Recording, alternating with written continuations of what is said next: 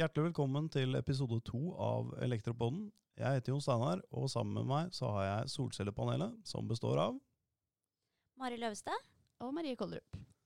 I dag skal vi snakke litt om bruksområder eh, for solceller. Men først litt om den nye oljen. Vi framsatte jo en ganske bardus påstand eh, forrige gang om at solceller er den nye oljen. Hva tenker du om det? Det tenker jeg at det er, eh, som du sier, ganske kontroversielt å si. Men eh, jeg mener jo at vi har gode tall i ryggen, Mari. Er du enig? Absolutt. Altså Fra 2018 til 2019 så snakker vi om en, en vekst på altså 104 eh, på da installert eh, sol i Europa. Ja, det er jo pent. Rolig dobling der, Ja. så det er ikke dårlig i det hele tatt. I, I Polen faktisk så har det jo firedobla eh, installert effekt, så det er, eh, er en del momentum altså eh, ute. Ja, det er jo kjempekult. Eh, Jeg har vel lest et eller annet sted at eh, vi hadde en pro årlig produksjon på sol på verdensbasis på 102 gigawatt-timer. Stemmer det? Ja, det var jo da i 2018. Det Altså, var 2018, da. det var all ny solkraft som ble installert i 2018. Og det som er litt kult med akkurat 2018-tallet, er jo at eh, hvis man sammenligner de forskjellige sektorene, altså de forskjellige energikildene, da, så er jo solkraft helt klart den største andelen. Og i tillegg er solkraft da større enn eh, kull, gass og kjerne til sammen.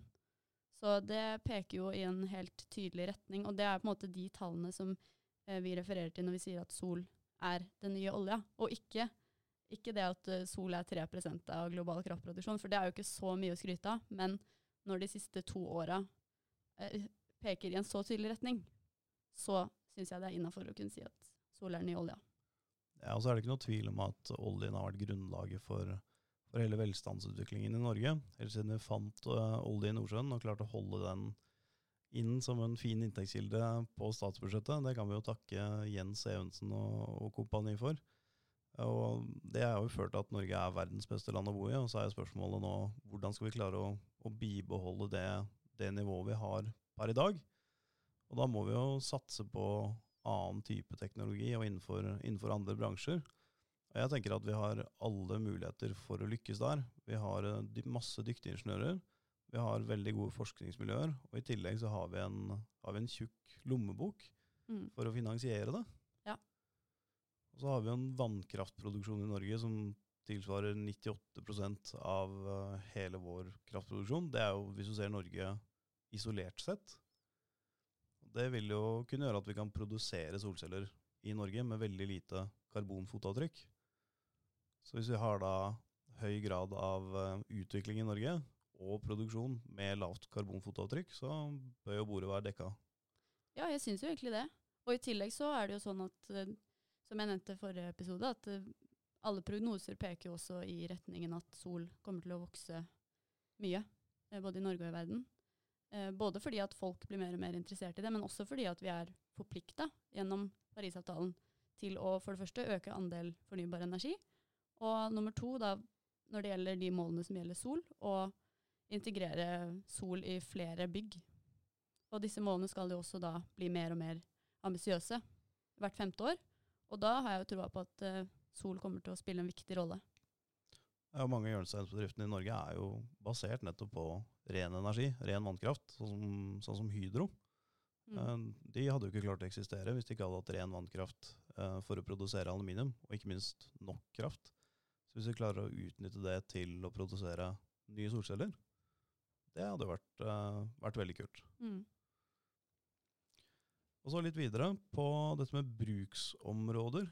Eh, Jeg har hørt om BIPV og BAPV, altså Building Integrated Photovoltaics, og Building Applied Photovoltaics.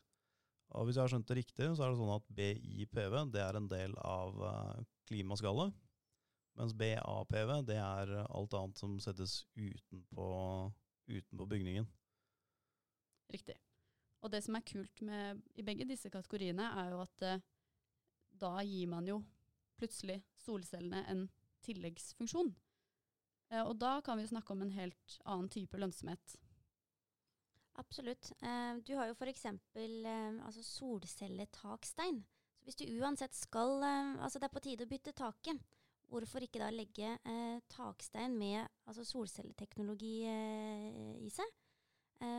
Så får du på en måte funksjonen produserer egen strøm, og, og, og, det taket som du uansett må ha der. Det er greit å ha tak på huset. Uh, tak må du ha. Men hva, hva, er levetiden på Jeg har, jeg har betongstein på, på, taket mitt, og huset er fra ca. 1989. Hvor lenge kommer taket mitt til å, til å leve? Her ville jeg snakka med en taktekker. Eh, dra dit kompetansen er. Men eh, betongstein, er ikke det rundt 50 år, eh, lurer jeg på? Ja. Kan det stemme? Ja. Jeg har hørt 30 til 50 år. Så ja, det pleier å være litt sånn gode slingringsmåneder der, da. Men uh, ja, det er jo veldig ofte tema når man skal legge solceller på taket, om hva slags levealder det er på taket, da. Og hvor, hvor, i fasen er man. Og da er det jo veldig greit å kunne kombinere solceller og tak i ett. Ja, for det er ikke noen god idé å legge nye, flotte solceller på et gammelt tak, for så å fjerne det og legge nytt tak? Nei, da blir det dyrt. Ikke sant? Ja. Så, men ja, og så har du jo for eksempel eh, eh, Du må jo ikke ha det på taket. Du kan jo også ha det i veggen. Eh, og det er jo en skole, Mari, som du er litt glad i. Å ja. Brynseng skole, ja. ja. Eh, jeg fant noen spennende tall på Brynseng skole. De har jo da eh, spes fått spesialdesigna solcellepaneler eh, til fasaden. Uh, og så er det jo en del sånn hvor, hvor, mye produserer en solcelle eller en solcellepanel i løpet av vinteren. Mm. Uh, og da kommer jo Brynseng skole som et kjempe, kjempeeksempel. I februar i fjor så, så, så, produserte de altså 120 av de 180 kilowattene skolen trenger i løpet av en dag. Wow. Eh, midt på kanskje ikke svarteste februar, men februar allikevel, da.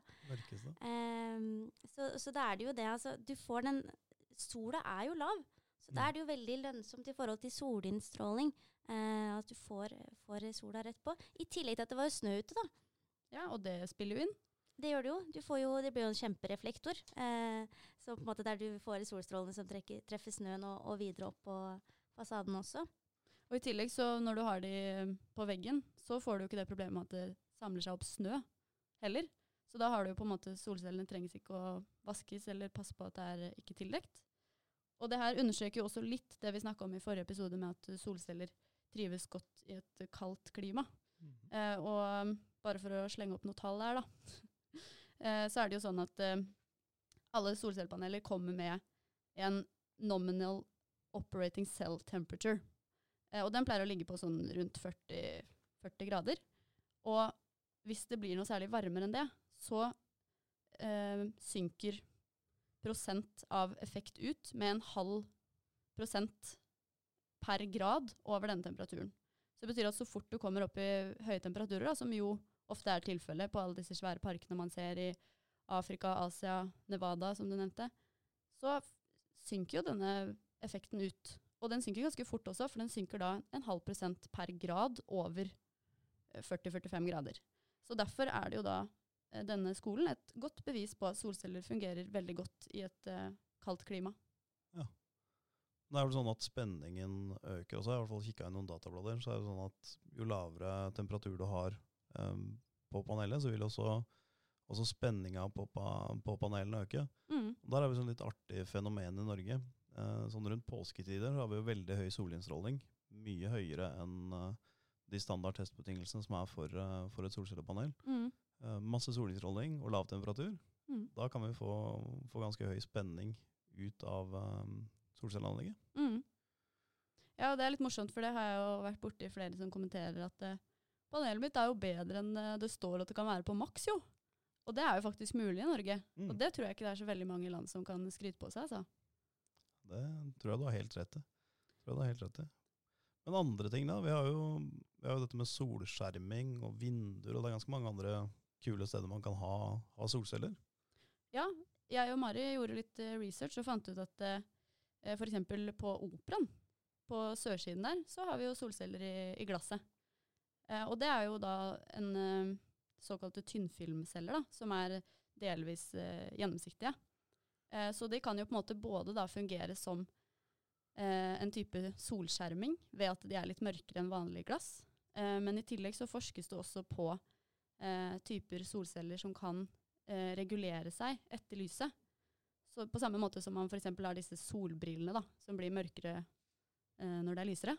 Så det også er en veldig kul funksjon, en tilleggsfunksjon da, som, som da solceller kan ha. Så du, når du da skal kjøpe deg et vindu, så får du på en måte du får et vindu, check, og så får du solskjerming, check, og du får strømproduksjon. Da får du på en måte to ekstra ting i samme vare. Vi snakker Kinderegg, altså. Vi snakker Kinderegg, rett og slett. Ja, Jeg vil kalle det det. Gå så langt. Og så bare litt sånn apropos vindu, da, så har vi jo også, det forskes jo også veldig på altså 100% transparente solceller. Eh, det er jo per i dag ekstremt dyrt, eh, men det blir veldig spennende å følge med på videre.